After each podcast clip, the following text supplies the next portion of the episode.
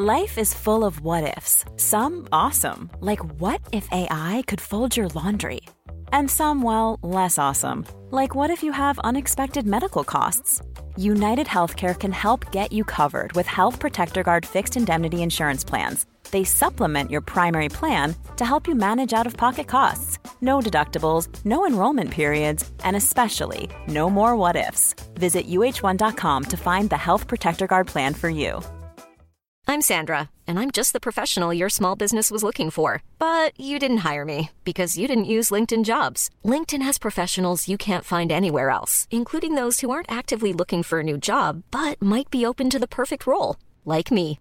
In a given month, over 70% of LinkedIn users don't visit other leading job sites. So if you're not looking on LinkedIn, you'll miss out on great candidates like Sandra. Start hiring professionals like a professional. Post your free job on linkedin.com/people today. Quality sleep is essential. That's why the Sleep Number Smart Bed is designed for your ever evolving sleep needs. Need a bed that's firmer or softer on either side? Helps you sleep at a comfortable temperature? Sleep Number Smart Beds let you individualize your comfort so you sleep better together. JD Power ranks Sleep Number number 1 in customer satisfaction with mattresses purchased in-store. And now, save 50% on the Sleep Number limited edition Smart Bed for a limited time. For JD Power 2023 award information, visit jdpower.com/awards. Only at a Sleep Number store or sleepnumber.com.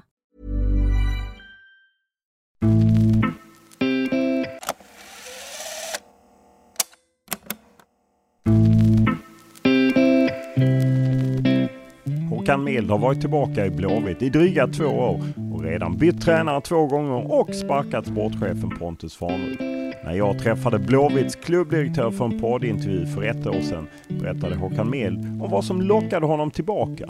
Om att omsättningen på ledare och spelare skadat verksamheten. Om vägen fram mot att utmana om SM-guld igen. Och om det verkligen går att gå om Malmö FF snabbt. Dessutom talade Mild om vikten om att köpa tillbaka Kamratgården, om att damlaget kan flytta in där, om friktionen bland spelarna 2021, om att ta hem Pontus Dahlberg, om kritiken från förra spelaren Andres Vasquez, om varför förra ordförande Frank Andersson är helt snett på det, om att få till ännu mer dialog med alla supportergrupperingar.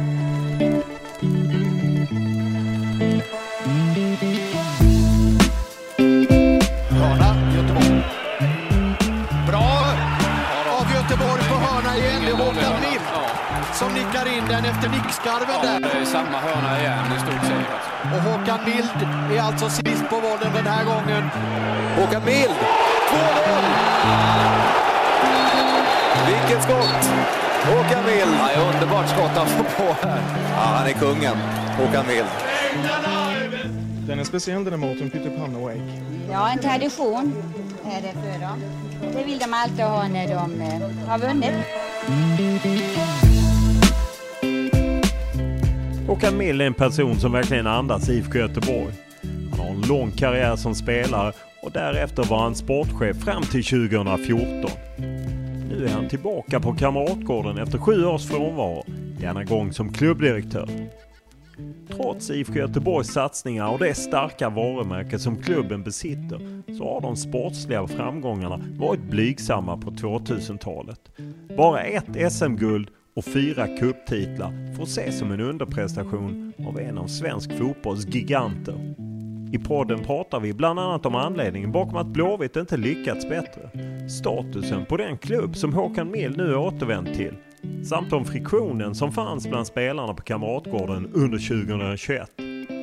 Nej men helt klart så var det en, en spretig grupp, eh, helt klart. Och sen är det inte så konstigt. Det är mm, många spelare in och ut, eh, ledare in och ut. Eh, så det är inte så konstigt att den här tryggheten inte fanns där. Håkan Mild talar även om den stora omsättning som det varit på både ledare och spelare och något som påverkat klubben och gett den skiftande inriktningar. Håkan Mild ger inte mycket för tidigare ordförande Frank Anderssons försök att se till att Blåvitt skulle bli mer synligt i förorterna i Göteborg. Att Frank Andersson säger så som han sa, det är faktiskt rätt befängt om jag ska vara ärlig. Eh, IFK IF Göteborg eh, hade sin, satte sin akademi i de östra stadsdelarna och då kom man överens med klubbarna att man inte skulle gå på eh, spelarna och de klubbarna så att de spelarna skulle kunna vara kvar i de föreningarna. Det blir även en diskussion kring den omtalade situationen med Kolberg Sigthorsson som stängdes av av Blåvitt för ett sexuellt ofredande på Island 2017. Och där Håkan Mild nu menar att Sigthorsson möjligtvis hade kunnat stanna och spela för klubben om han bara följt den överenskomna planen. Vi skulle göra ett arbete tillsammans med Kolbeinn och eh, vi får prata med Kolbeinn om det naturligtvis men då tyckte man nog inte att det var det var rättvist och eh, då valde man att, att, att gå isär helt enkelt. Men podden är naturligtvis mer än så här och vi pratar om att Håkan Mild vill få till en bättre dialog med alla Blåvitts supportergrupperingar. Om att IFK försökte få hem Pontus Dahlberg under januarifönstret. Vem som gör vad av Mild och sportchefen Pontus Farnerud. Om vikten av att idag ha ett damlag som allsvensk klubb om betydelsen av återköpet av Kamratgården, om hur mycket Blåvitt gick plus förra året samt att Mild inte alls delar Andres Vaskes kritiska syn på Blåvitt. Detta och mycket mer. Men som vanligt inleder vi podden med en faktaruta.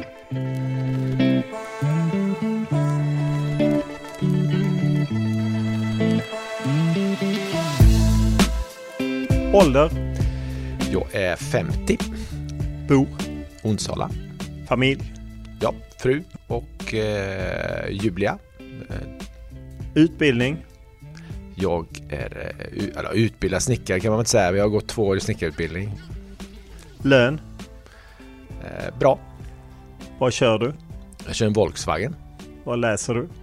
Just nu läser jag lite, eh, två småböcker från Stefan Söderfjell. Det handlar om motivation och ledarskap. Vad tittar du på? Oj. Jag tittar ju mycket på fotboll och sen ska jag titta på en del serier när, eh, för att slappna av. Vad lyssnar du på? Jag är nog allätare när det gäller musik men jag, eh, jag gillar eh, typ U2, jag gillar Matchbox 20, jag gillar Lasse Winnerbäck, den typen av musik. Vad spelar du på? Tänker du musik eller någonting annat? Vad du associerar, jag, det kan ju vara allt från hästar till tv-spel till jag spelar instrument. Ingenting, jag spelar ingenting, totalt ointresserad. Mm. Vilken skulle du klassa som den största upplevelse du haft i fotbollssammanhang? Ja, det är VM 94 såklart. Jag har haft många fina upplevelser men det är, den, den slår ju det mesta. Finns det någon eh, tröja du är glad du bytt till dig? Ja, Frank Rijkaard bytte jag till mig. Eh, en spelare som jag har största respekt såg upp till. Vem hade du som idol som barn? Jag hade Tord Holmgren, Glenn Strömberg i IFK faktiskt. Eh, på den nivån var det. Vilket är ditt favoritlag och varför? Liverpool, eh, mitt favoritlag förutom IFK Göteborg då naturligtvis. Men eh, först var det Liverpool. Jag fick en, eh, dels kunde man se den på tv och dels fick jag en tröja av min stora syster som var i England på språkresa och då hade med sig Liverpool-tröja. Vilken spelare är den tuffaste spelare du mött? Den svåraste kanske. Det finns ju många bra man har mött men som är eh, svåra att komma åt och, och sådär. Det, två framförallt, det var Dunga och Reikart var, var svåra att möta. Det var ju kanske inga spelare som var så snabba eller eller supertekniska men otroligt duktiga på att täcka boll och eh, flytta boll och göra rätt saker. Vem är den bästa spelare du spelat med? Eh, med? Oj, Ja, jag säger som jag brukar, liksom, Stefan Rehn är nog den eh, absolut eh, bästa som jag har spelat mycket med. Men sen har jag spelat med jättemånga som är skitduktiga. Men, men någon som jag liksom klaffar bra ihop med och som jag tycker är en otroligt bra spelare. Det är Stefan Rehn. Han har varit snabbare så har han varit en världsspelare. Vilken regel vill du ändra på? Ja, det skulle vara det här att man blåser offside så, man, eh, så sent så att man inte bara kan blåsa med en gång. Vilken är din favoritfilm? Oj. Svår att, att, svara på faktiskt. Jag får passa på den. Det finns så många bra. Vid vilka tillfällen ljuger du? Jag försöker aldrig att uh, ljuga. Men sen så kan det vara i olika situationer där, där, den eh, sanningen rakt fram inte, inte helgar eh, situationen. Så att det finns liksom ingen anledning att, säga sanningen rakt ut. Men jag försöker och vara så ärlig jag kan eh, i alla lägen. Om vi tar bort idrott och hälsa, vad var du bäst på i skolan? Jag var hyfsad på eh, samhällskunskap, religion. De när, ämnena. Var, när var du riktigt lycklig senast? Jag får väl säga att jag är en extremt privilegierad människa så det, det vore hemskt att säga att, inte jag, säga att jag inte var lycklig. Sen kan man ha sina perioder ändå av olika anledningar men eh, jag känner mig, eh, jag känner mig lycklig. Vad gör dig rädd? Ja, krig. Eh, jag har aldrig varit med om det och inte varit ens varit nära. Det är väl något. Nu sitter man väl i en situation, vad händer? Vad händer om Ryssland går in i Ukraina? Vad kommer det att spegla av i, i övriga världen? Sen så är man väl rädd för att någon nära och kära ska gå bort eller bli sjuk eller något sånt.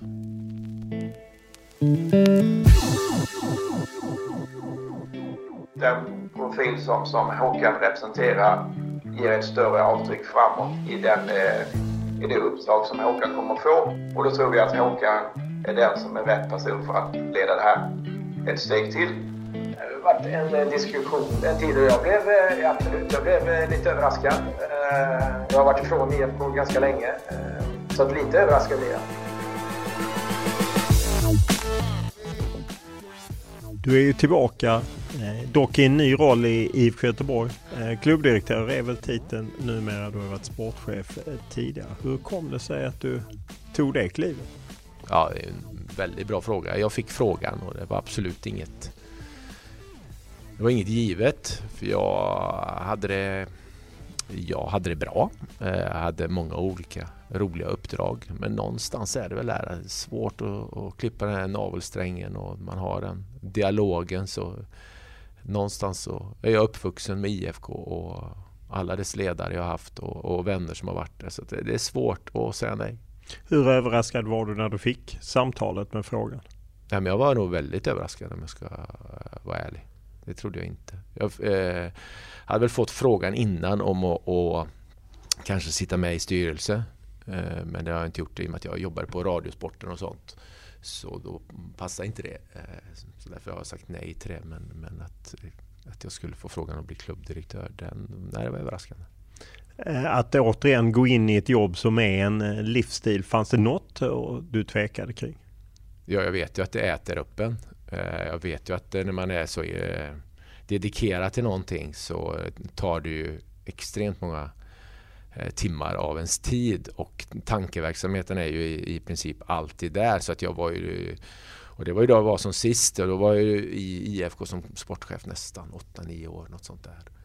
Att det tar ju extremt mycket kraft. Så det var väl en, en betänklig för med tanke på familj och, och sådana saker. Och att, man har ett klart mycket, mycket friare liv och inte vara i en förening. Eh, hur reagerar just omgivningen att du återigen skulle gå in i en tillvaro som ju kan vara prövande på många sätt? Nej men jag har ju en eh, fantastisk familj så sett så att eh, de tyckte väl att i, i princip att eh, om jag ville göra det så klart att jag ska göra det. Efter totalt 27 år i IFK Göteborg, varav åtta som sportchef, så väljer nu Håkan Mild att lämna Blåvitt för ekonomistudier. Med sina fem SM-guld och 459 A-lagsmatcher anses 42-åringen vara en av klubbens främsta spelare genom tiderna. I år är det även 20 år sedan han var med och tog det klassiska VM-bronset. Mild gör sin sista arbetsdag i klubben den 27 mars. Eh, för åtta år sedan så satt vi eh, i Göteborg. Eh, det var faktiskt min andra podcastintervju var med dig. Du hade precis slutat som, som sportchef. Då, jag lyssnade igenom den och du pratade om att du, var rädd att det skulle vara jobbigt att sluta. Var det jobbigt att, att lämna den världen? Alltså det är ju ens identitet så mycket och för mig speciellt som har varit så länge i IFK. Så det är klart att det var en identitet som försvann Eh, men eh, jag har fått göra otroligt mycket roliga saker. Och eh, det var ju inte så att jag satte mig ner och inte visste kanske exakt vad jag skulle göra. Men det gick ganska snabbt där att jag fick frågan från eh, att och, var med där. Jag fick frågan ganska snabbt att bli samtalsledare på Handelskammaren. Så att jag, där har jag haft fyra grupper. Lennart och Björnen som, som eh, driver med familjen. Där visste jag ju att jag skulle eh, jobba en del med. Eh, och sen har jag ett antal andra olika uppdrag som, som jag hade innan också. Som eh, bolag som jag var delägare i. Så att jag var inte orolig att jag inte skulle ha något att göra. Men det var väl om jag skulle tycka att det är kul, om jag skulle få den här adrenalinkicken då som, som är svår i förhållande till, till idrotten. Fick du den? Inte på, inte på samma sätt får man inte det. Jätter och jag gillar affärer, jag gillar organisation, jag gillar att man blir bra tillsammans. Så, så att själva den grejen eh, kan man väl få, fast inte som det är i ett idrottslag. Där är det verkligen, man vinner och man förlorar och det är extremt mycket känslor och det är en känslostyrd eh, verksamhet. Och på gott och ont, kan man hantera den så är det ju, då är det ju spännande och väldigt roligt. Nu är du förvisso en liten annan roll, klubbdirektör som eh, jämfört med sportchef, men vad är du bättre på idag som du har lärt dig med att driva bolag, samtalsledare, varit expert? På vilket sätt är Håkan Mild bättre eh, 2021, 2022 när du kommer tillbaka? Nej, jag har fått en, en, större erfarenhet av näringsliv och, och driva verksamheter. Eh, naturligtvis. Sen jag tror att jag, jag har blivit äldre, då får man nog kanske lite bättre tålamod. Man kanske inte eh, eh brusar upp på en gång, man, blir, eh, man är nog lugnare. Eh, förhoppningsvis är jag mycket bättre på att lyssna. Eh, och helt enkelt eh, hantera människor tror jag att jag är mycket bättre på än, eh, än jag var förut kanske. En del av att leda en allsvensk förening är ju att man är mycket i media, vare sig man vill eller ej. Och, eh, vad lärde du dig av att jobba journalistiskt, även om du var expert på fotbollsmatcherna? Men du var ju ändå del av en liksom publicistisk organisation som Radiosport. Ja, men alltså, det var ju fantastiskt kul och jag har fått jobba med så otroligt duktiga människor, allmänbildade människor som eh, Visst, de kan idrott men de kan så otroligt mycket mer. Så vi har haft fantastiskt eh, intressanta diskussioner. Men något som är med liksom är att jag tror att vi har varit... Eh, jag tyckte inte att vi var det i IFK. Eh, för jag tyckte att vi var väldigt transparenta och det, vi, vi stängde aldrig ute media. Media fick alltid gå in i omklädningsrummet. Med. Det är ju liksom företeelsen idag som har gjort att man inte gör det. Men vi hade inte så eh, då. Sen fick vi väl kanske lite kritik ändå för att det var stängt och sådär. Men jag tyckte inte att det var så. Däremot som idag så tror jag ju verkligen på att alltså, transparens. Vi har egentligen vi har inget att dölja. Och vissa saker tycker man att man eh, om att man gör och vissa saker tycker man andra om att man inte gör. Då, liksom så, så att ja, där känner jag ingen... Eh, där känner jag att, att, där har jag nog lärt mig ganska mycket. Att liksom att vi försöker göra vårt bästa hela tiden och i, ibland misslyckas man. Då får man ta det. Då bara. Eh, när jag intervjuade dig 2014 så sa du att det var ett lämpligt tillfälle att kliva av. Eh, IFK Göteborg är en bra organisation, en ekonomi i balans, bra spelare, bra förutsättningar, allt på Kamratgården. Alltså, ser man vad som hände efter 2014, visst det finns några cuptitlar och några allsvenska medaljer men det har inte varit några SM-guld. Vad är det som, vad gick snett? Ja, det kan jag inte svara på faktiskt varför, vad som har gått snett där i och med att jag inte har varit inne i eh, verksamheten. Jag tyckte ju så då och IFK var ju väldigt, väldigt nära 2015 att vinna SM-guld också. Jag tror man var tvåa 2014 så att eh, det tyckte jag väl stämde ganska bra. Eh, ordförande Mats Engström som måste varit den som har frågat dig. Han hoppade av. Visste du om det att eh, han skulle kliva av? Till? Nej, det visste jag inte. Hur reagerar du på det? Nej, så jag... Eh, inte, eh, inget speciellt egentligen. Och det är väl någonting också man har lärt sig att det är en extremt volatil bransch. Och tittar man på hur, hur eh, IFK och andra klubbar har sett ut genom åren och man tänker på hur man har suttit i, i olika SEF-frågor och man har träffat alla andra allsvenska klubbar och så hur många människor det är som har som har bytts ut. Alltså det är ju helt otroligt egentligen. Så det är ju en sån värld så jag kan inte påstå att jag är förvånad. Men ändå människor... någon som ringer en och säger ska du komma tillbaka och sen kliver den av rätt kort därefter. Det hade ja. jag blivit överraskad. Alltså med det det är väl klart att om jag får frågan så förstår jag att, att eh, allt inte är helt hundra. Att man har, att man har frågor inne i en förening. Så att det ser jag inte något konstigt. Så att, nej, det är ingenting jag reagerade supermycket över. Eh, om man ser till Max Markusson som lämnar, vad lämnar han efter sig? Vad kommer du till för dukat bord? Eh, eller hur väl dukat är bordet när du kommer eh, i början av 2021?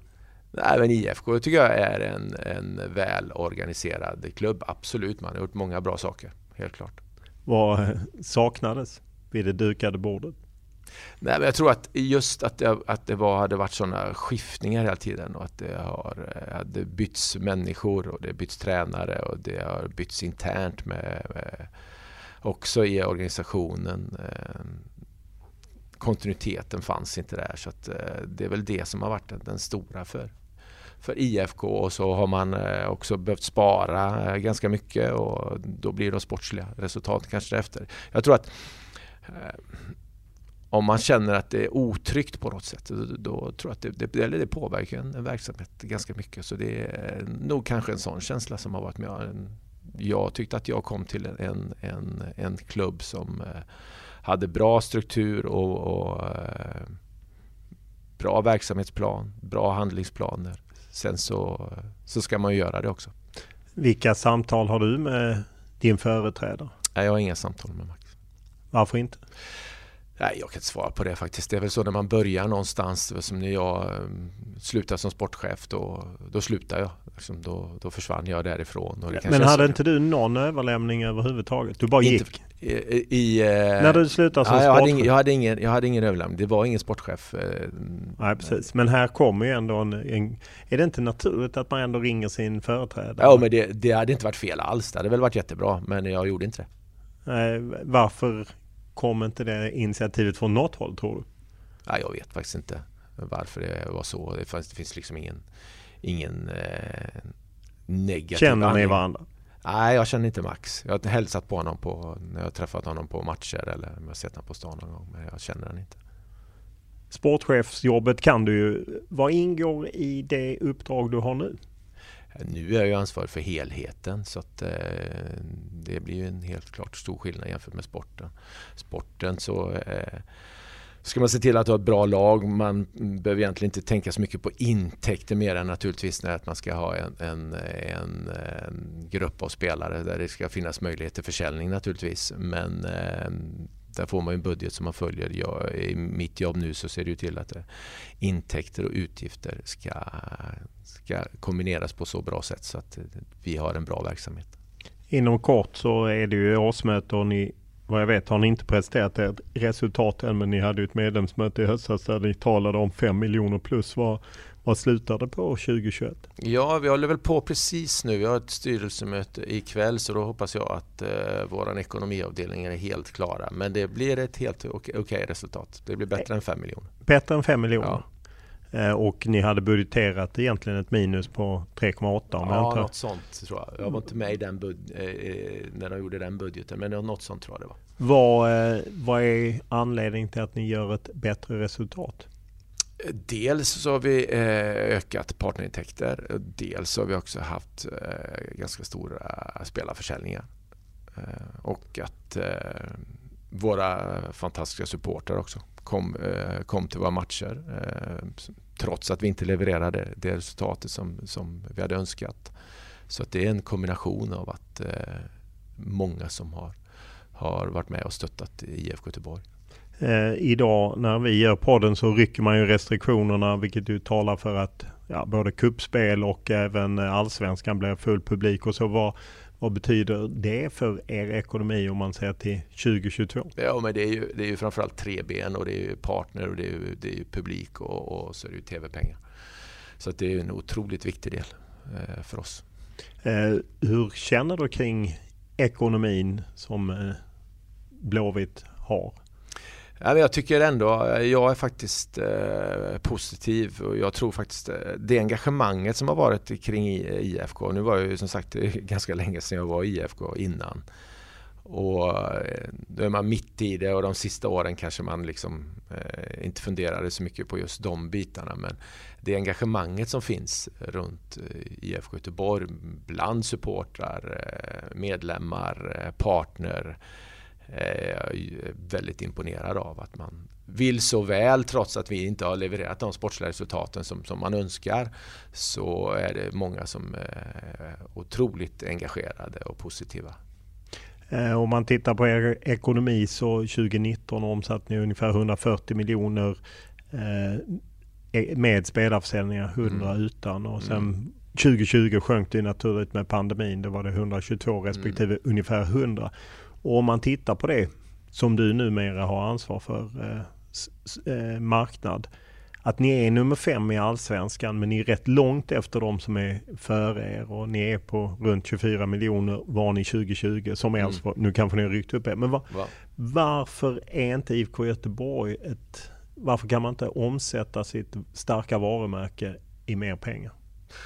Ja du, eh, framöver så eh, förväntar jag mig definitivt att vi kommer att göra det. Eh, IFK Göteborg gör väldigt många bra saker och det är naturligtvis att vi vi måste bli duktigare på att komma ut med det också och vi måste bli duktigare internt och jobba med alla de här frågorna. Men jag ser väldigt positivt de närmsta åren för, för IFK Göteborg just i, i, i de frågorna. Jag är helt övertygad om att vi kommer öka vad är nyckeln i att öka? Är det bättre sportliga prestationer eller finns det något annat ja, ni kan göra? Ja, men ja, men sportliga prestationerna hör ju dit naturligtvis. Men jag tror liksom att i, i, det är en, en svåra verksamheter. Jag tror att just att, och ha det här kommersiella och ideella i en och samma verksamhet. Där eh, vi behöver stärka de banden. Vi behöver stärka banden med våra supporter. Vi behöver stärka banden i det kommersiella också så att man förstår helheten, att vi är beroende av varandra och att hjälps vi åt så, så blir det så mycket bättre.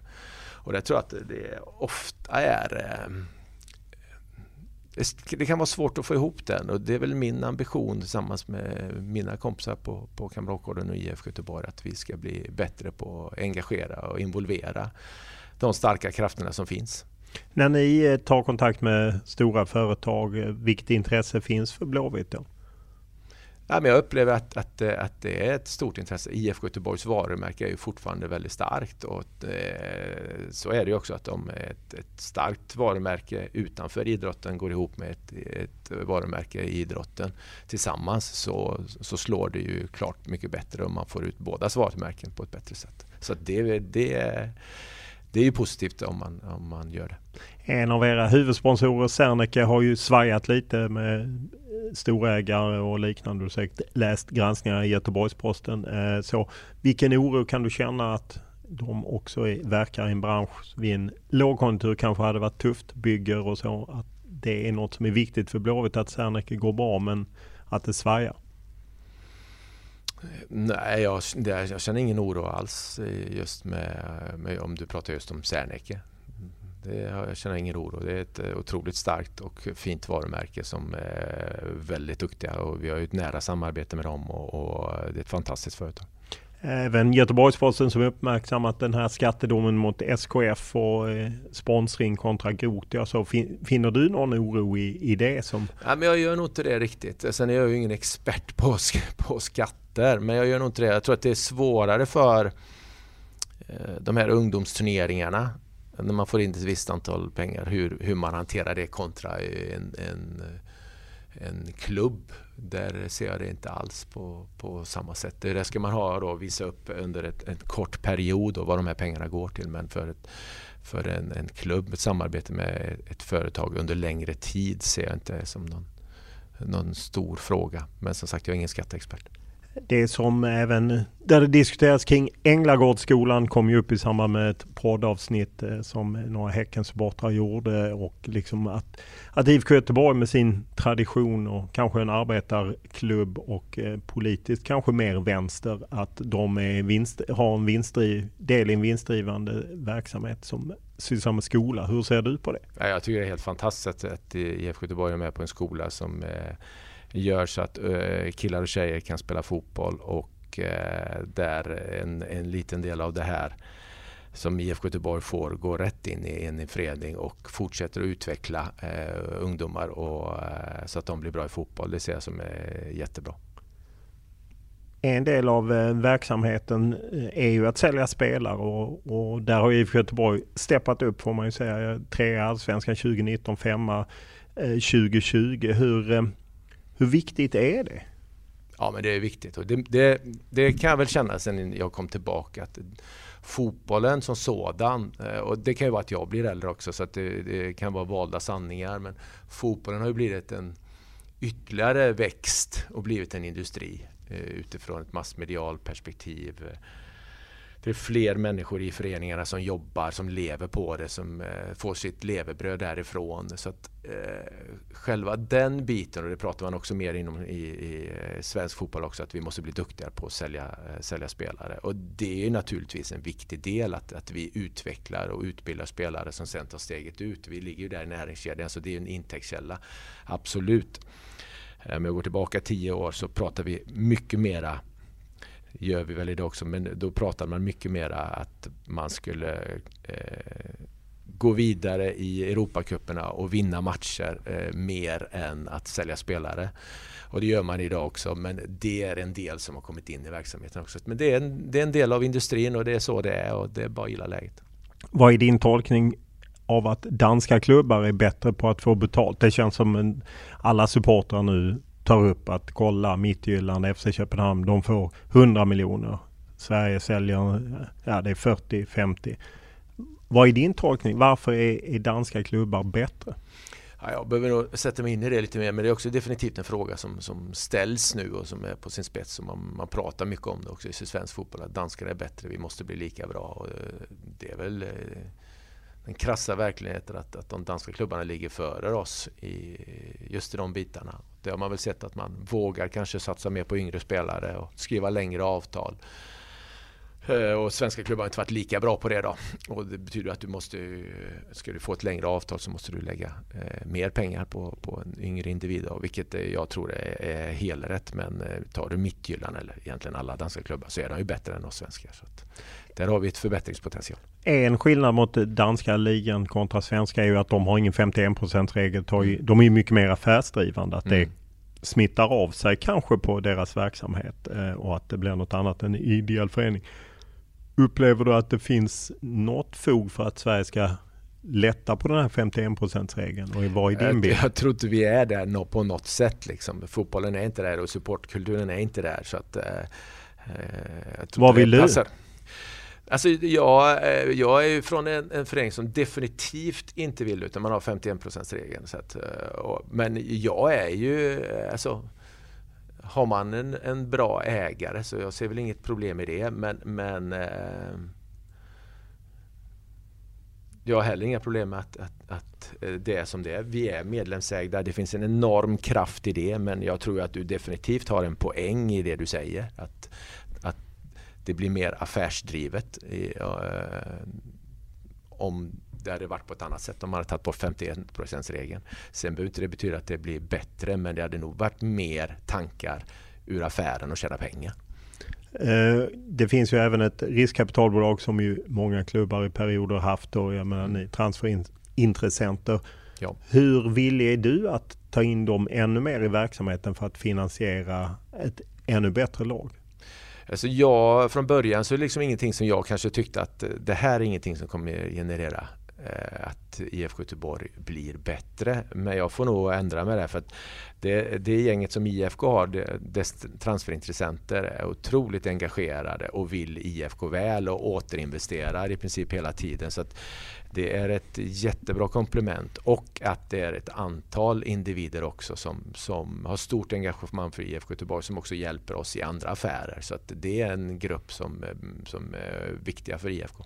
Hur mycket pengar kan de ta fram om ni skulle vilja? Oj, det vet jag faktiskt inte. Det vet jag faktiskt Men har inte. ni inte haft några diskussioner? Ja, vi har inte haft några disk jag har inte haft några diskussioner att, att man ska lägga in ytterligare pengar. Alltså det som har hänt när man säljer spelare att, att de pengarna som, som transferintressenterna ska ha då i det läget att det har de återinvesterat för att de är sådana IFK-are.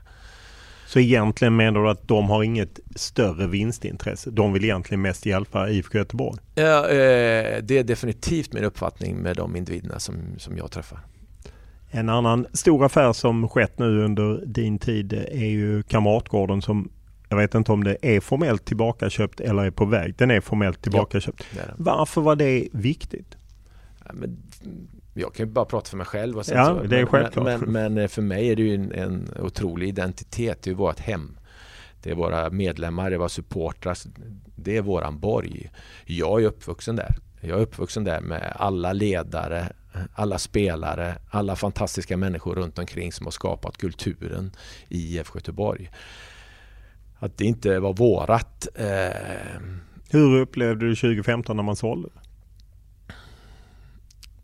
Alltså jag har ju förståelse för när man hamnar i situationen att man gör det. Eh, det var ju av goda avsikter man, man gjorde det. Så det har jag förståelse för. Men det är, det är helt klart så gjorde det ont i hjärtat. För än en gång, eh, det är inget känslomässigt beslut att vi har eh, köpt tillbaka Kamratgården för det kommer vara bättre för oss ekonomiskt över tid också. Men det är ett känslomässigt att inte IFK Göteborg ägde Kamratgården. För, I alla fall för, för mig som har jag är uppvuxen där. Jag kom dit som 15-16-åring första gången och eh, har upplevt otroligt mycket.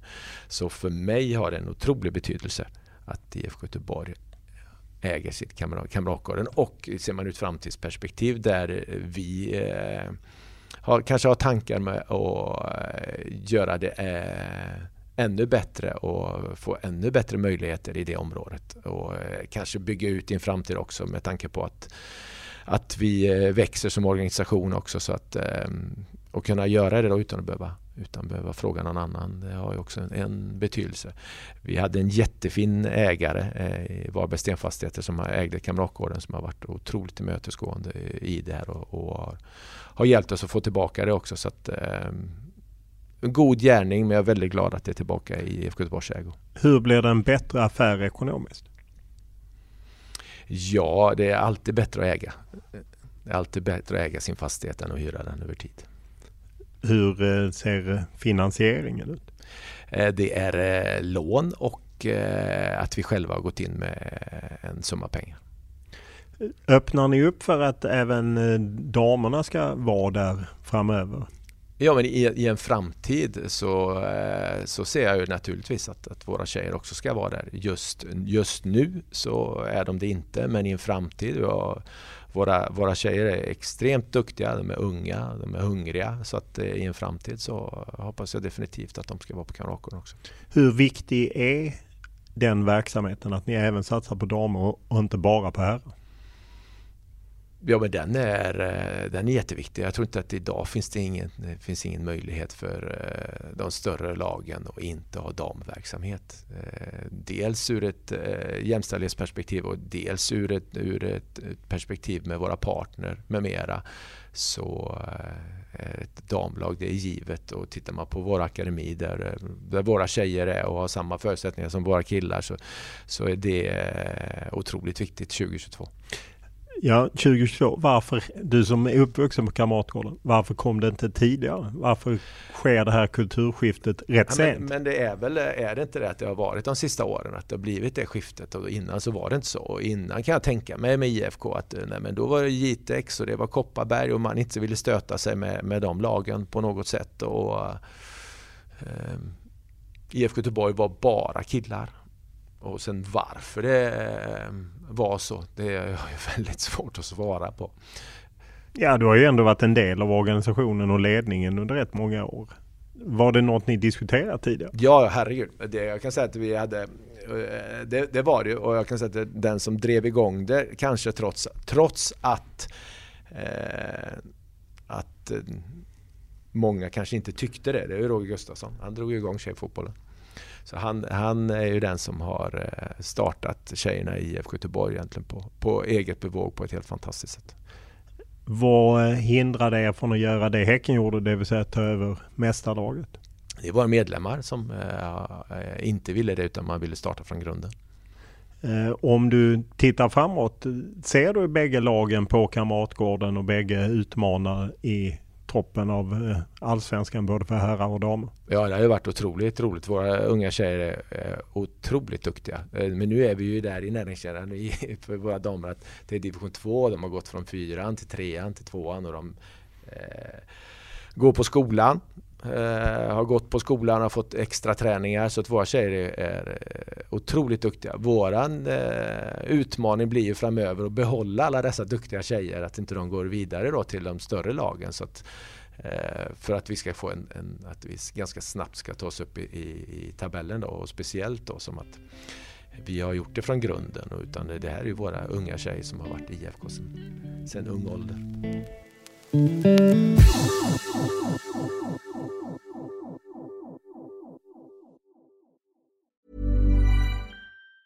Quality sleep is essential. That's why the Sleep Number Smart Bed is designed for your ever evolving sleep needs. Need a bed that's firmer or softer on either side? Helps you sleep at a comfortable temperature? Sleep Number Smart Beds let you individualize your comfort so you sleep better together. JD Power ranks Sleep Number number 1 in customer satisfaction with mattresses purchased in-store. And now, save 50% on the Sleep Number limited edition Smart Bed for a limited time. For JD Power 2023 award information, visit jdpower.com/awards. Only at a Sleep Number store or sleepnumber.com. I'm Sandra, and I'm just the professional your small business was looking for, but you didn't hire me because you didn't use LinkedIn Jobs. LinkedIn has professionals you can't find anywhere else, including those who aren't actively looking for a new job but might be open to the perfect role, like me.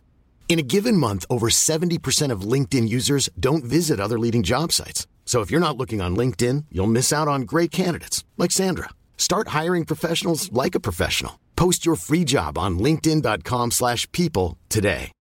Here's a cool fact. A crocodile can't stick out its tongue. Another cool fact, you can get short-term health insurance for a month or just under a year in some states. United Healthcare short term insurance plans are designed for people who are between jobs, coming off their parents' plan, or turning a side hustle into a full time gig. Underwritten by Golden Rule Insurance Company, they offer flexible, budget friendly coverage with access to a nationwide network of doctors and hospitals. Get more cool facts about United Healthcare short term plans at uh1.com.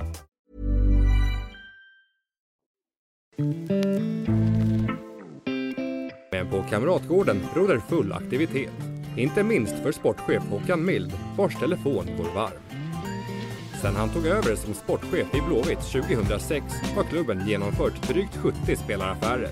Vilken av de som är lyckade är du mest nöjd med? 2007 då så var Ragnar Sigurdsson en av de första riktiga som man gjorde själv och man åkte ut och tittade. Och han kom hit och vi vann SM-guld året efter. Han gjorde det väldigt bra ifrån sig. Och så, där. så han blev väl lite speciell ändå. Du har ju en sportchef under dig Pontus Farnerud. Eh, hur är arbetsfördelningen för er del? Jag kan misstänka att om man har en gammal sportchef som nu är ens chef så är det eh, kanske inte helt lätt. Nej, det kanske det inte är. Det är svårt för mig att, att svara på. Jag får fråga eh, Pontus naturligtvis. Men han är ju sportchef och ansvarar för den, den sportsliga verksamheten och jag är klubbchef och ansvarig för hela verksamheten. Men om ni värvar en spelare, vem är det som driver eh, affären, skriver kontrakt och allt sånt? Det, är det du eller Pontus? Nej, det är Pontus som driver den affären. Sen är jag ju naturligtvis med när det gäller ekonomiska. Sett till hur det har gått sportsligt för IFK Göteborg med olika tränarskiften och så. Vad är ditt förtroende för sportchef Farnerud? Eh, Pontus är definitivt en kille som jobbar stenhårt och gör allt för att IFK ska bli så bra som möjligt. Så att jag har definitivt förtroende för Pontus Farnerud. Det är en kille som har en enorm arbetsvilja. Eh, när mina kollegor intervjuade honom så tyckte han själv att ni hade en trupp som var eh, bäst efter Malmö FFs trupp. Delar du den uppfattningen? Jag tycker det är bra att eh, Pontus är eh, väldigt positiv och inger förtroende för sin trupp. Det tycker jag är väldigt bra. Men delar du uppfattning? Är det, har, ni, har IFK Göteborg näst bäst trupp i Allsvenskan? Jag tycker kanske så här att eh, jag har nog aldrig varit med om att, eh, att en allsvenska som är så oviss som det har varit de sista åren och att många lag alltså, pendlar mellan att vara, göra riktigt bra matcher till att göra riktigt dåliga matcher. Och, och, eh, det är inget lag som, som egentligen, då tar man förra året, som imponerar eh, sådär våldsamt. Malmö är ju starka liksom. De har många matcher och de är i Champions League och de har ett högre tempo. Så när Malmö väl kommer in i det flowet så, så tycker jag att de är, de, de, är bäst. Och jag har sett Malmö ganska mycket de senaste åren i med jobbar på radion och så. Så när de är bra så är de riktigt bra tycker jag de är klart bäst.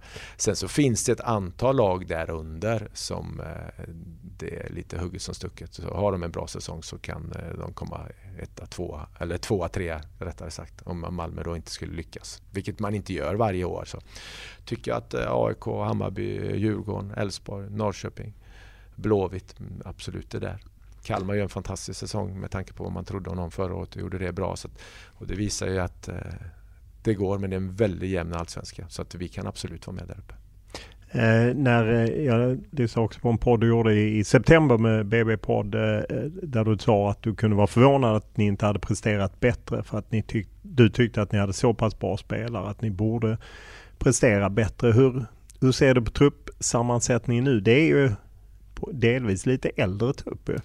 Ja, det är en del spelare som, har, eh, som är något äldre. Sen har vi en del uh, unga spelare också så att uh, jag tror inte att vi jag har faktiskt inte kollat det men eh, om man tittar eh, snittåldern så tror jag inte att vi har den äldsta truppen i hela Allsvenskan. Det tror jag inte. Sen så är det ju så att får du möjligheten att få hem Marcus Berg och Oskar Wendt och Gustav Svensson så, så tar du den. Det är så pass bra spelare så att eh, jag kan inte den diskussionen jag köper jag väl inte, inte riktigt.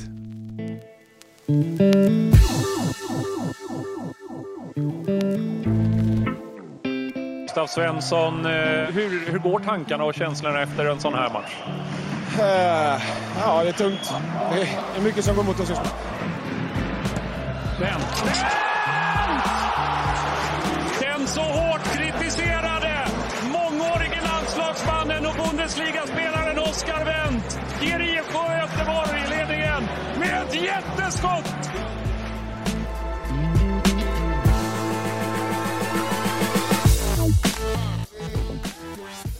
Du har ju själv varit hemvändare ett par gånger till Kamratgården. Fyra tror jag. Ja, eh, och hur kan man förklara att, att Wendt och Svensson som kanske inte presterade på sitt bästa. Det tror jag till och med de kanske själva hade erkänt. Att tittar, tittar man på början, i början gjorde den eh, podden så hade man absolut inte gjort den. Tittar man på de sista matcherna så, så tittar man på Gustav Svensson, det han levererar på det han är bra på så är han ju överlägsen. Så att han presterade bra. Oskar Wendt också utifrån de sista matcherna så presterade han också. Men tar man innan det så var det ju ingen i vårt lag som nådde upp till de nivåerna som, som man kan förvänta sig. Eh, ni har adderat en eh, mental tränare tror jag. Ja, han var med förra året också. Hur jobbar man? För du pratar om att skapa liksom det här vinnarkultur, att man eh, en annan inställning. Hur, hur tar man fram det? Ja, i min värld så eh, är det ett stort jobb, eh, egentligen eh, pågående jobb. Det är en kultur man bygger upp med att man vill göra varandra bra man behöver inte tycka lika och man behöver inte ens umgås vid sidan om speciellt mycket. Och sånt. Men när man väl är på plan så måste man försöka göra varandra bra. Och den diskussionen har ju Rasmus, våran, vår mentala coach, eh, jobbat ganska mycket med och eh, också fick effekt på det, speciellt i, slutet av året, att, att vi gör det här tillsammans. Och eh, man har en, en, ett ansvar på en arbetsplats att man måste försöka gilla varandra. Och, och tittar man på fotboll då, där man ändå man möter andra lag och man ska vinna över dem. Men samtidigt varje dag så har man en konkurrens som man kanske inte har på normala arbetsplatser annars. Det är liksom inte i andra verksamheter som jag är inblandad i till exempel. Där är det inte så att man undrar om jag får vara med idag och, och göra glass. Du kommer få vara med och göra glass varje dag men i en idrottsförening så är det faktiskt så att du har eh, konkurrenter eh, i i, i, i ditt lag och det kanske är så att du inte får spela och då blir det en känslostyrt, då kan man inte hantera det och inte prata om det och inte är duktig på det heller så, så det är lätt att det blir eh, friktioner. Det har man ju jobbat väldigt mycket med att man får en, en förståelse och får rollacceptans också. Att man, vad, man, vad syftet är, varför man är där och vad man är till för. Hur mycket friktion har det varit? Nej men helt klart så var det en, en spretig grupp, eh, helt klart. Och sen är det inte så konstigt. Det, Många spelare in och ut, eh, ledare in och ut. Eh, så det är inte så konstigt att eh, tryggheten inte fanns där. Du har ju varit med i IFK Göteborg både i framgång, jag menar enorma framgångar, SM-guld och spel i Europa. Men du har också varit med när ni kvalar mot Västra Frölunda för att hänga kvar 2002. Vad är det som skiljer en grupp och en säsong när man lyckas kontra när allting går snett fastän man kanske har en trupp som borde prestera bättre? Nej, men jag tror att samspelet mellan, eh, mellan varandra eh, har en, en, enorm eh, betydelse. Eh, alltså, det här jobbet som man alltid gör liksom, med varandra på plan och absolut utanför också. Det har en, en, en enorm betydelse. Eh, inte bara taktiskt, för det är ju också en, en bit och att man får se till så att eh, varje individ får göra det man är bra på.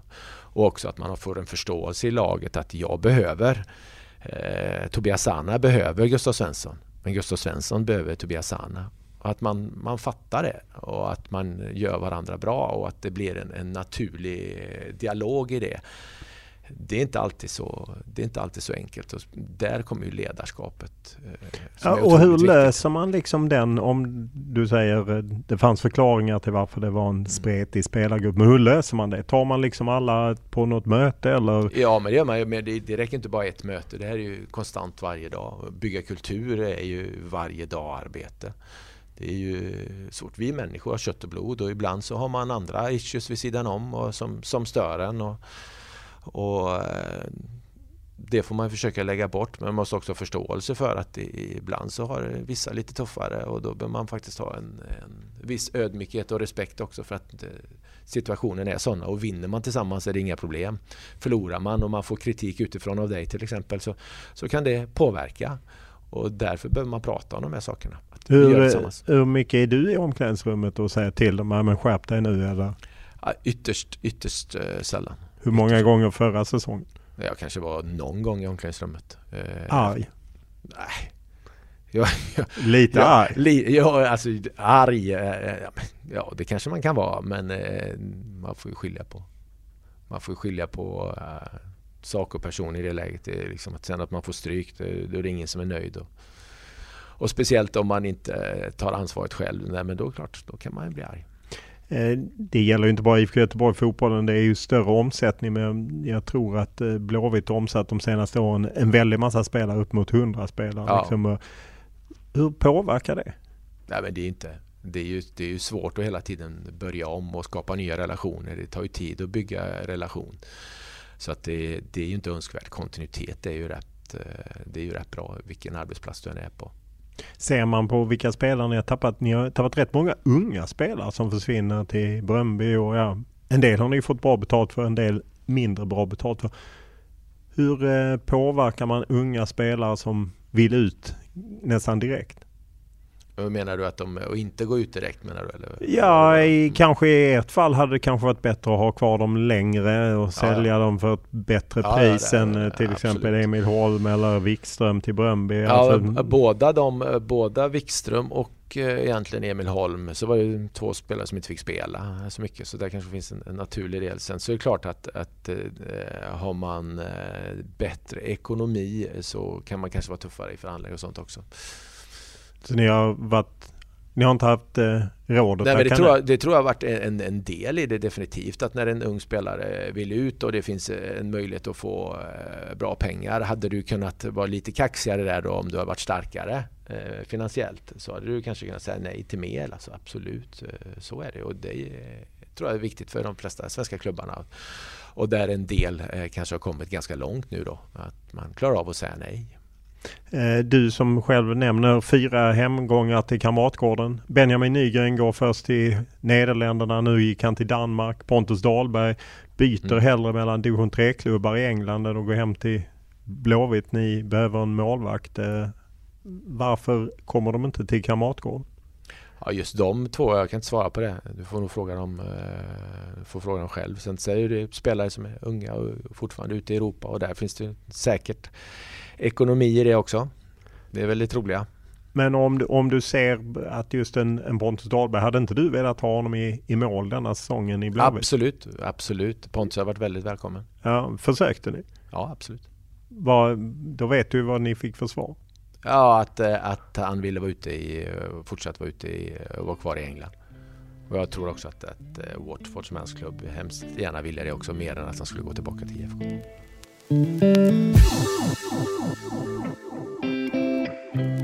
Micke Stare, återkomsten för din del. Hur känns det så här dagen innan matchen mot eh, Elfsborg? Inte fråga. Det känns eh, väldigt bra självklart. Hur mycket längtar du? Nej, men det, det är ju eh, det är klart att det är, det är svårt att sätta procent, men det är mer än hundra.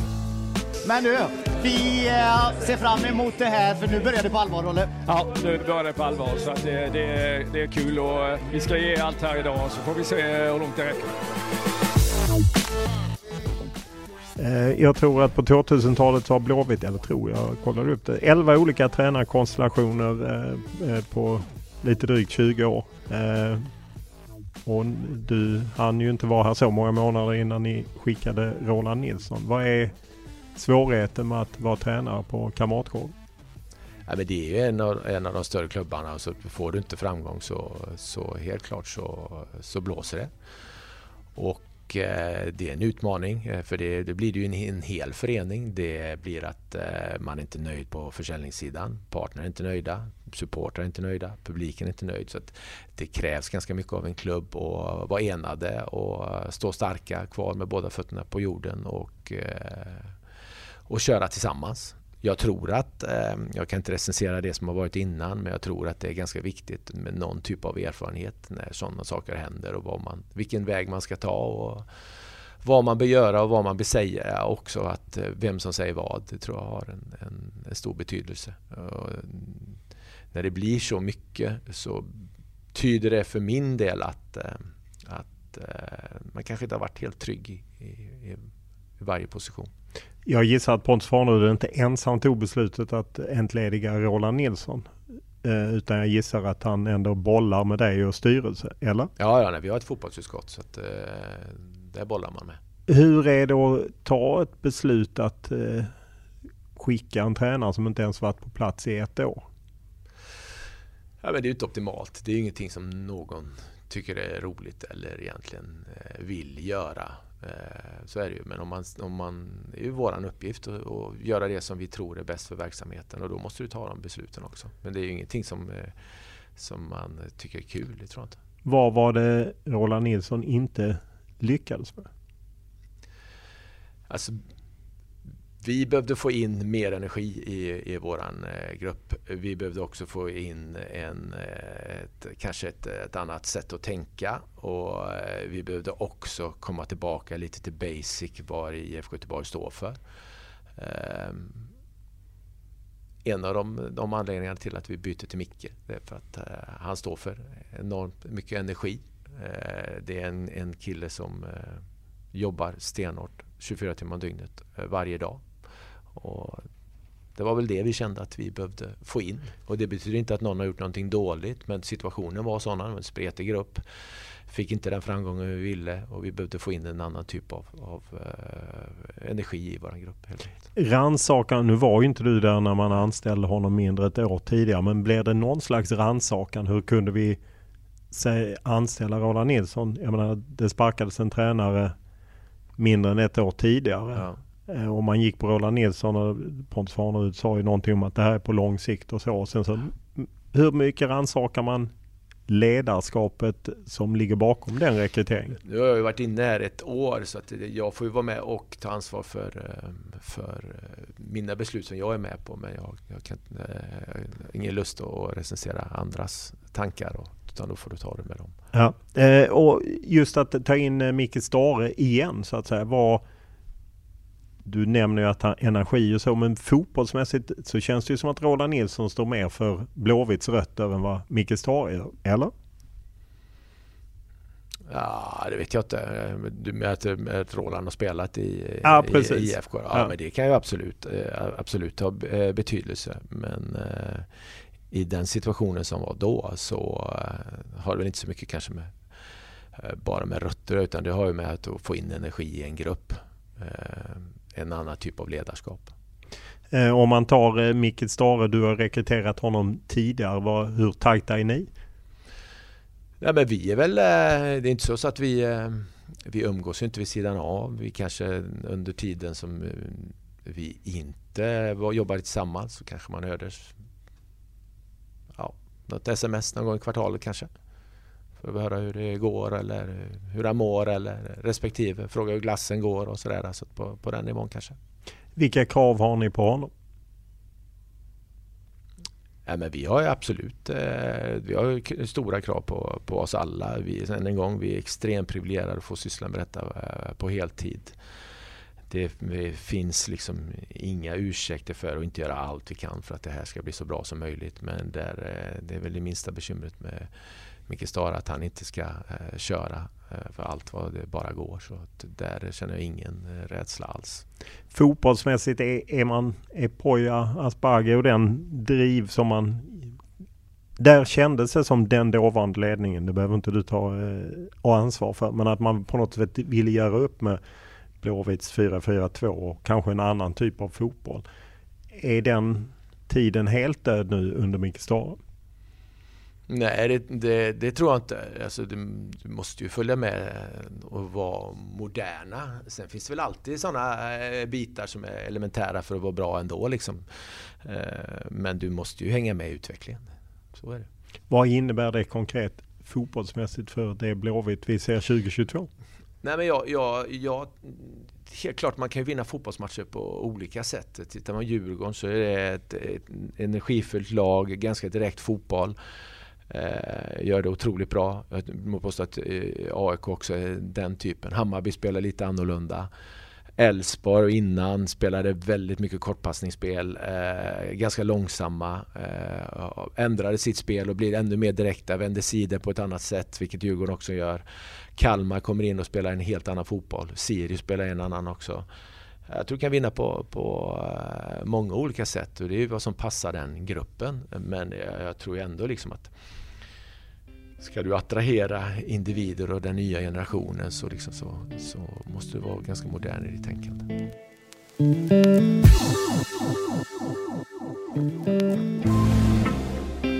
God morgon. IFK Göteborg är Sveriges bästa fotbollslag. Det stod klart igår efter att Blåvitt besegrat Trelleborg med 2-0 och därmed blivit svenska mästare. En titel som firades ordentligt under gårdagskvällen. Jag är fantastiskt glad. Det är underbart det här. Det låter ett riktigt eh, segervrål då.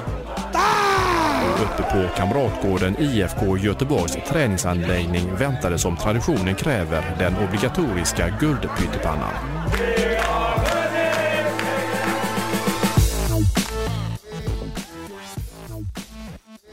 Om man eh, tittar på eh, 2000-talet så är det ju ett SM-guld 2007 eh, då du var sportchef och ett gäng kupptitlar, fyra kupptitlar men inget gruppspel i Europa.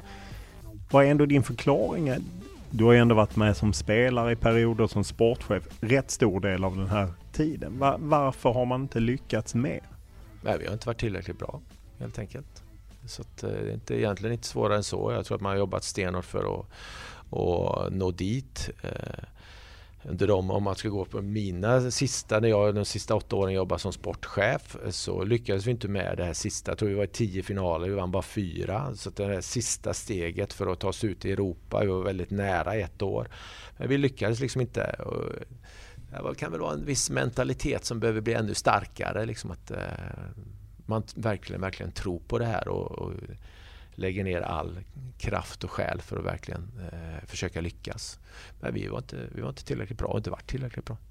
Eh, och om man tittar på Gunnar Larsson som nu tyvärr eh, avlidit. Men jag menar fram till han var ordförande 2001. Jag menar oerhört framgångsrik period. Men det var också kontinuitet genom honom. Sen hade han väl både plus och minus. Men efter det har det varit en väldigt snurr på inte bara tränarpost som jag pratat utan ordförande, klubb, ja. allting.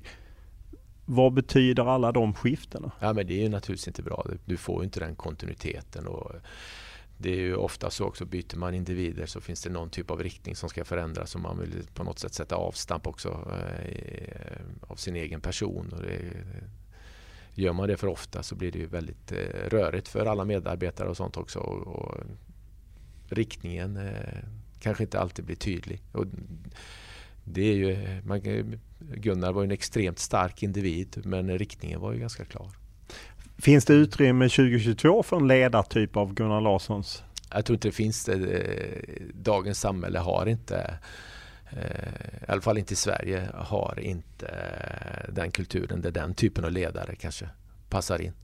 Vad är det för ledarskap som krävs för att leda en allsvensk klubb som både ska innehålla ett damlag och ett herrlag? Jag, jag tror aldrig ledarskapet har varit svårare än vad det är nu med, med tanke på den individuella ut, utvecklingen och hur människor eh, tänker förut så kanske det var mycket lättare att få människor att, att följa än vad det är idag. Eh, idag är det individualism, jag säger inte att det är egoism, men det är en klart mycket större individualism i, i samhället än vad det var eh, när jag växte upp eller om du tar Gunnar Larsson som var som ledare. Då, då rättade du in eh, på ett helt annat sätt. Vilka krav ställer det på er som är ledare för en, en stor grupp individer? Nej, men det, det ställer ju stora krav och eh, det, jag tror inte att det är någon som, som eh, klarar allt det här själv utan man, man måste ju ha goda medarbetare som är med och hjälper. Och lika väl som ett lag så har du dina medarbetare som är bra på olika saker och så, så hjälps man åt. Men eh, eh det är ju mycket viktigare idag med både policies och, och verksamhetsplaner och processer än, än, vad det kanske var då. då eh, eh var det mer kanske att vi en man pekade? Nej men lite, lite så var det ju helt klart att, att eh, det var så. Var det en, en, en god man eller kvinna som gjorde det och hade goda avsikter så var det inget konstigt det. Det var, det var så det var.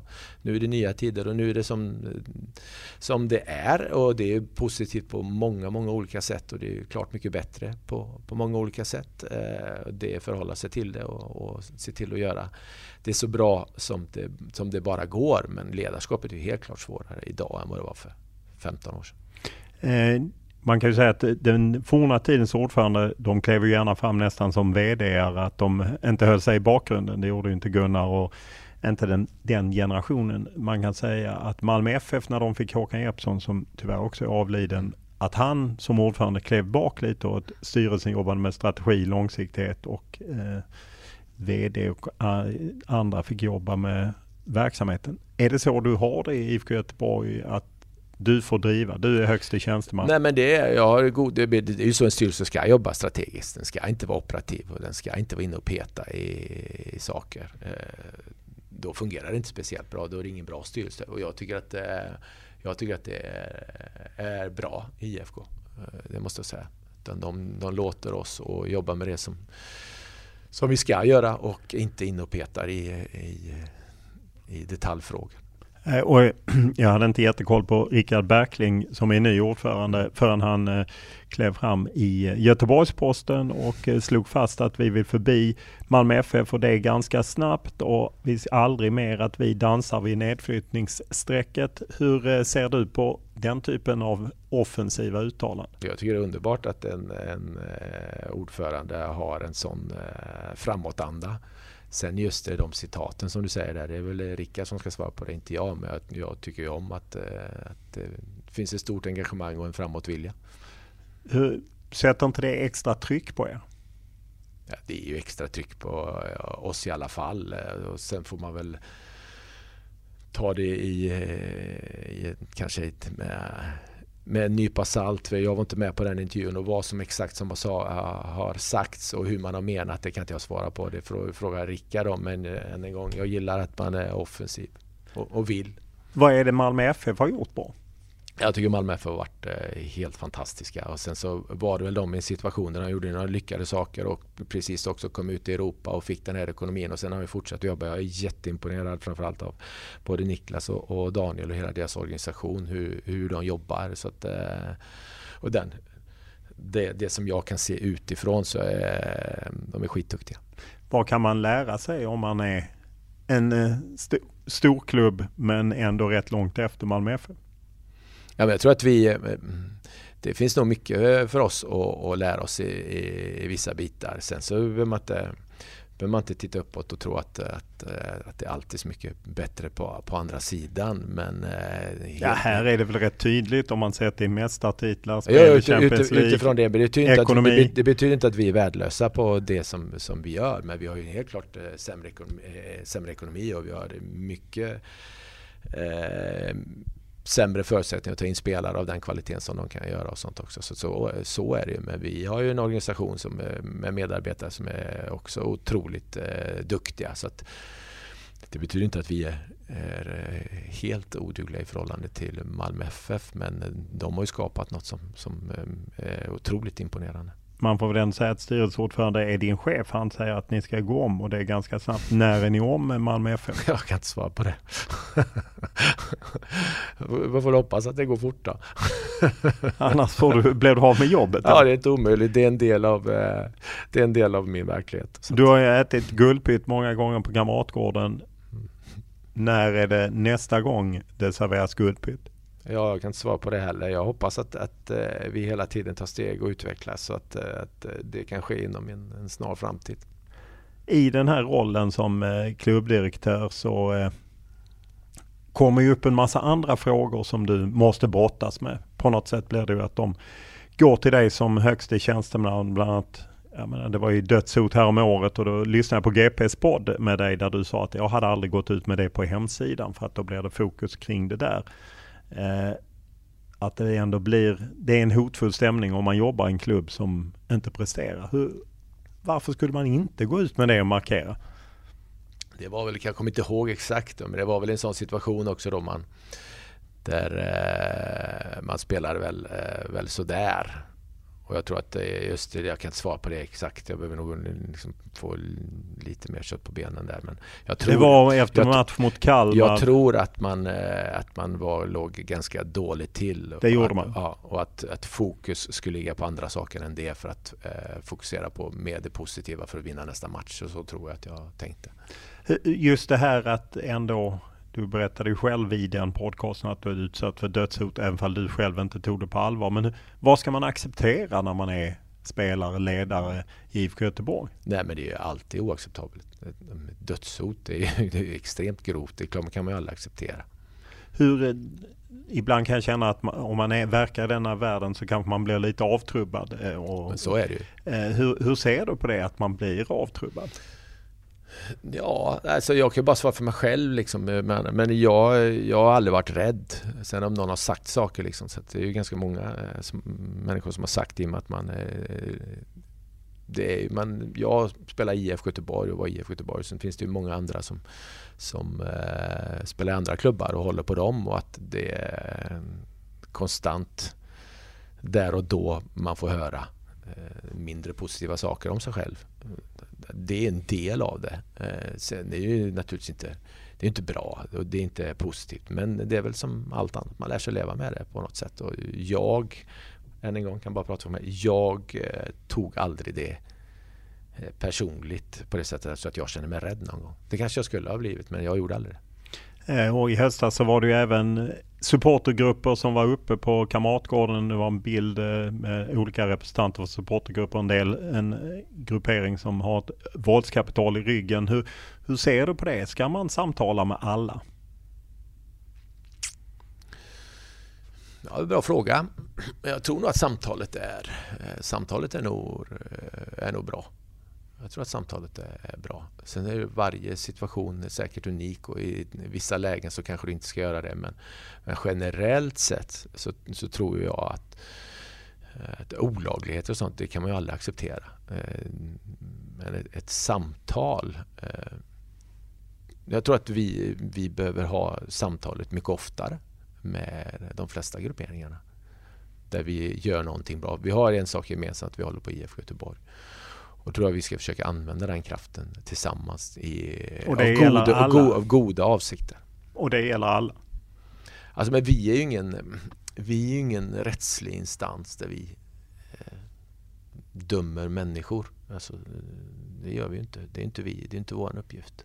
Den är jättesvår men det är inte, vi är ju inte där, där vi eh, så att jag ska inte ska prata med dig eller någon annan. Eh, då får det vara någonting att eh, individen är kanske avstängd eller har tillträdesförbud eller något sånt. Men annars är det ju jättesvårt att säga att man inte ska göra det. Jag tror att eh, dialogen är otroligt viktigt, speciellt med, med vissa grupperingar. Eh, du säger att du aldrig varit rädd. Hur ofta hör du från någon annan ledare eller spelare att de faktiskt har någon slags oro? Det kan hända men, men ehm, vill nog påstå att under alla år, jag har ändå hållit på i fotbollen i 30 år mm, nästan, så, att, så är det ju det är ju ingenting som Även om man försöker göra det till något vanligt så vill inte jag påstå att det, att det är speciellt vanligt att jag känner till att någon, många kommer till mig att nu har det här hänt och jag känner mig skraj. Det är inte ofta det händer. Men det är klart att får du något så att eh, familjen eller något vill bli hotad, det är ju helt oacceptabelt. Och då måste man, då måste man definitivt eh då måste det definitivt bli konsekvenser att man gör någonting åt det.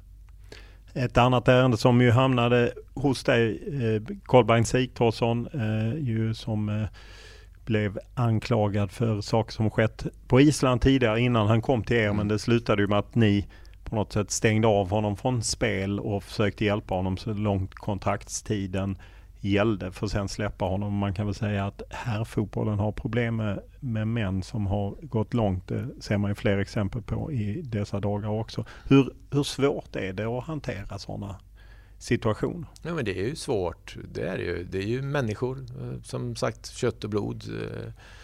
Eh, de flesta, är, de flesta människor jag har träffat genom alla år egentligen är, det är bra killar och tjejer. Det är väldigt få som jag träffat som är kompletta idioter.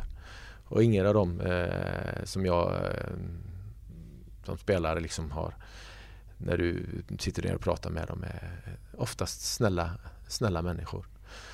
Och ibland så blir det saker som händer som går överstyr och som inte är bra.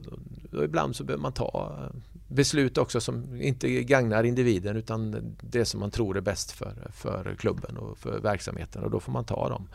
Så att eh, det är inga lätta det är inga lätta beslut för det påverkar eh, människor, oftast unga människor också, det som vi har med fotbollsspelare att göra. Då, så det är inget kul. Eh, hur är det, jag menar, dels fanns det ju ett offer på, eller flera möjligen, jag kan inte exakta detaljer, men det fanns ju åtminstone ett offer på Island och sen fanns det ju också många, jag menar både kvinnor och män som inte liksom förstod att IFK Göteborg inte markerade, att de kände att... Men det gjorde vi ju.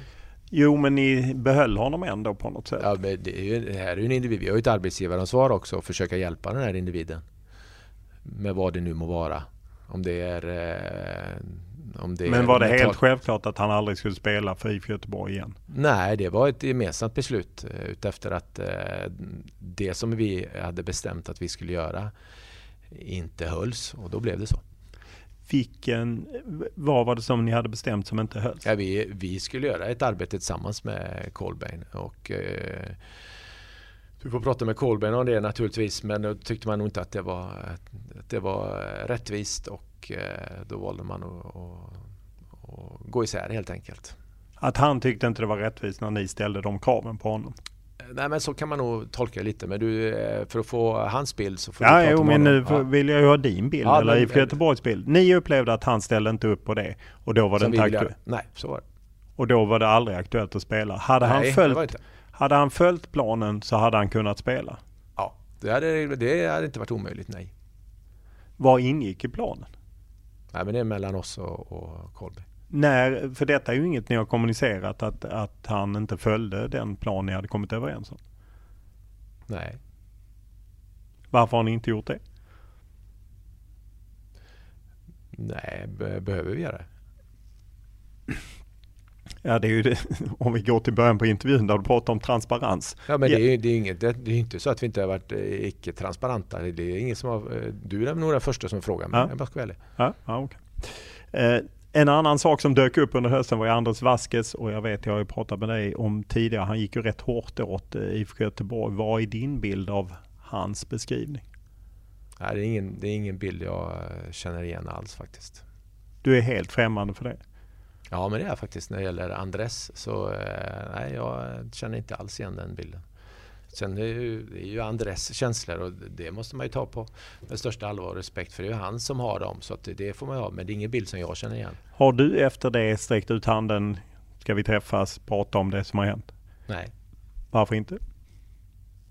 Jag har inte pratat med Andres sen, eh, kan ha varit 27, 28 eller någonstans. Så att, eh, det här kom upp i, var det 2021 va? Ja, Precis. 13 år efter. Nej, det har jag inte gjort. Eh, under eh, den tid du var borta så var ett tag Frank Andersson ordförande och Mats Gren var eh, sportchef. Och då pratade de ju om att IFK Göteborg lite misslyckats i de här det som man idag lite kallar utsatta områden och eh, så. Hur, hur ser du på det? Att de försökte liksom komma ut i de områdena? Ja, den är, eh, att, att Frank Andersson säger så som han sa, det är faktiskt rätt befängt om jag ska vara ärlig. Eh, uh, IFK Göteborg uh, hade sin, satte sin akademi i de östra stadsdelarna och då kom man överens med klubbarna att man inte skulle gå på uh, spelarna och de klubbarna så att de spelarna skulle kunna vara kvar i de föreningarna. För det fanns en oro att när IFK kom dit ut och det är ju Roy Gustafsson som är en fantastisk ledare som också gjorde så som man kom överens om att man inte gick på spelare i de östra förorterna för att det fanns en möjlighet då att de klubbarna inte skulle finnas kvar för att IFK Göteborg skulle bli så stora. Så det man gjorde var att man hade man har ett lag i varje åldersgrupp och tittar man på kanske på de större klubbarna så kan de ha väldigt många lag i varje åldersgrupp. Det IFK Göteborg har haft ett hela tiden för att inte eh, på något sätt eh, hamna i konflikt med de klubbarna. Så att eh, Frank Andersson, och han var ju, Frank Andersson var en av dem som absolut eh, han var helt ordförande i Gunnelse så jag tycker han var helt snett på det. Ja, eh, det var ju lite förvånande. Har ni ändrat strategi eller är det fortfarande samma strategi som gäller? Nej, vi har fortfarande så. Vi börjar med, eh, med våran, eh, vår, med lag börjar vi som 12-åringar i år. Och så innan det så kan man, finns det inbjudningsträningar och man kan komma dit och, och pröva och spela. Men innan 12 år så ser vi gärna att man är i, i eh, sin moderförening och sen när man kanske är lite mer mogen för det som 12-13-åring och vill satsa mer, men då är IFK-klubben för dig. Eh, sen du slutade som sportchef så eh, har ju polisen kommit in ett tag under några år, Fredrik Gårda, och bland annat varnat för att en hel del kriminella kommer in och vill göra spelaraffärer och eh, nu har ju tyvärr den satsningen dragits ner igen, men under några år och det finns ju kopplingar här i Göteborg och, och eh, bland annat en rådgivare som har fått pengar som är, eh, kan hamna inom, eller han är i varje fall utredd av både eh, rättsliga myndigheter och skattemyndigheter. Hur ser du på det idag när du kommer tillbaka? Är det något du pratar med Pontus Farneröd Hur ska vi förhålla oss till det här att det är en annan verklighet? Ja, men vi, har faktiskt nog, vi har nog inte pratat eh, jättemycket om det, det kan jag inte säga, under det här året som jag har varit. Det kan jag inte säga. Eh, ingen, inget som har varit uppe på, på, på tapeten hos oss faktiskt. Är, är det något du tror att ni behöver ta i beaktning eller kan ni bara Nej, business det, as usual? Det, det, det, behöver vi säkert absolut göra och som jag sa, fotbollen har ju blivit en, en klart större industri än när jag var i IFK förra gången.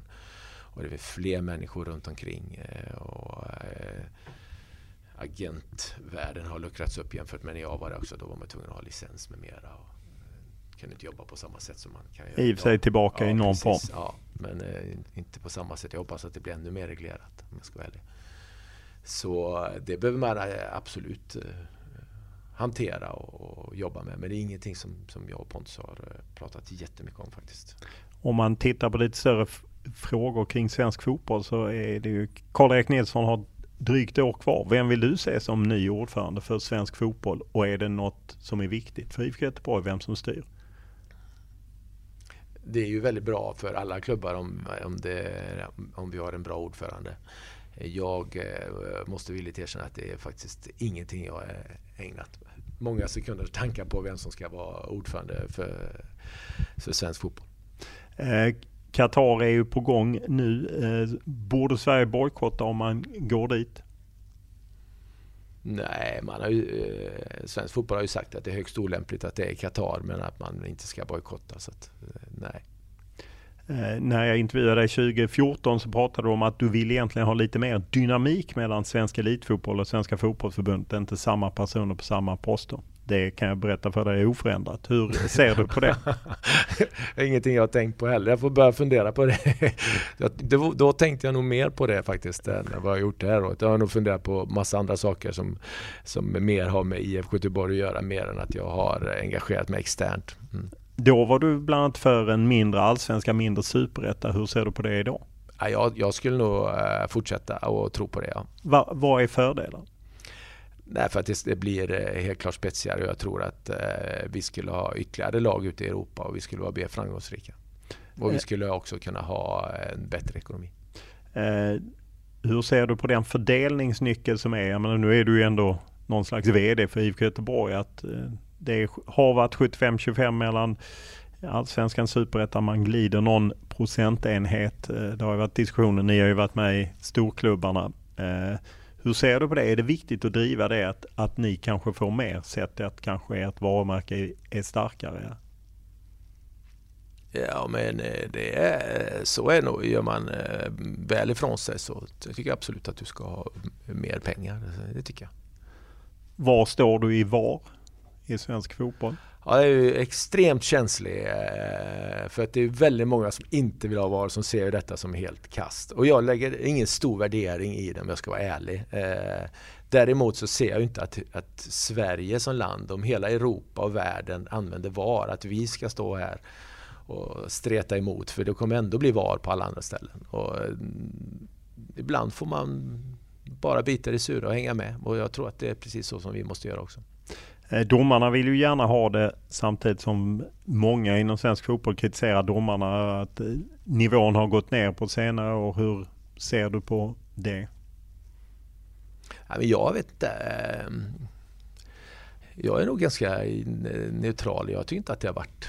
Alltså, tittar man på, på förra året eh, när jag sitter och tittar på, på våra matcher. Det, är liksom inte, det har väl inte varit domarna jag har hetsat upp mig mest på jag ska vara ärlig. Sen så gör ju de eh, misstag också. Så att, eh, men de gör många bra saker med. Så att,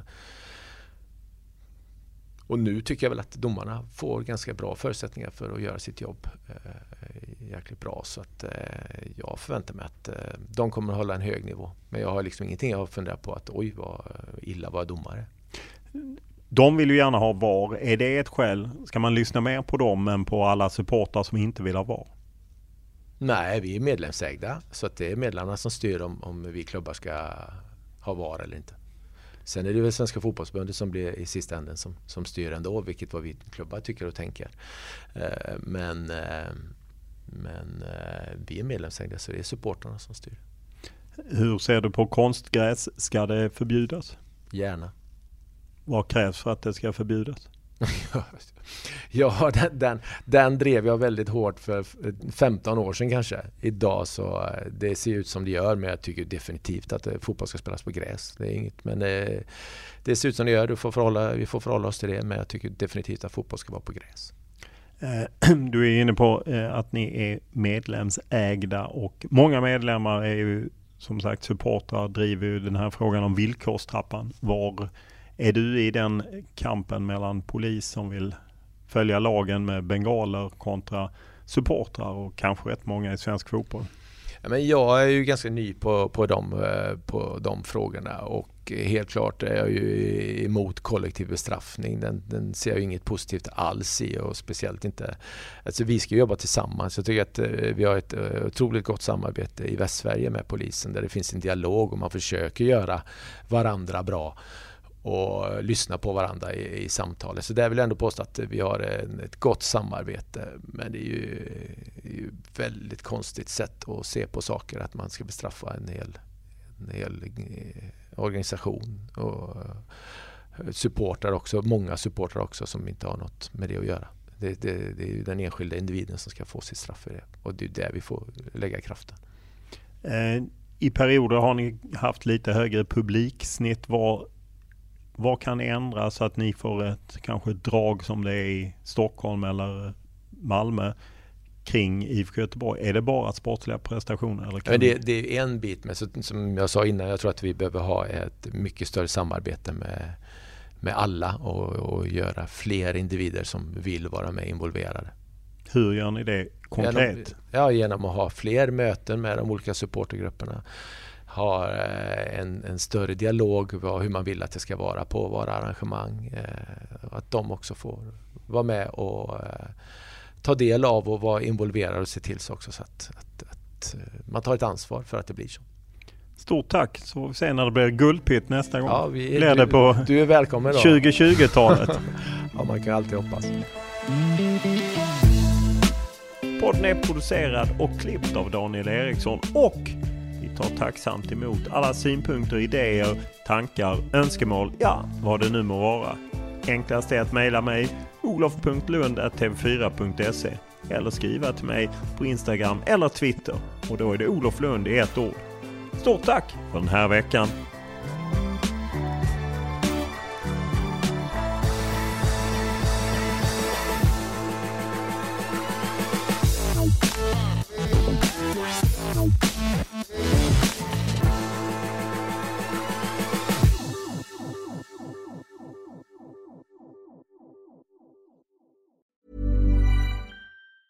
Mom deserves the best, and there's no better place to shop for Mother's Day than Whole Foods Market. They're your destination for unbeatable savings, from premium gifts to show-stopping flowers and irresistible desserts. Start by saving 33% with Prime on all body care and candles. Then get a 15-stem bunch of tulips for just $9.99 each with Prime. Round out Mom's menu with festive rosé, irresistible berry chantilly cake, and more special treats. Come celebrate Mother's Day at Whole Foods Market.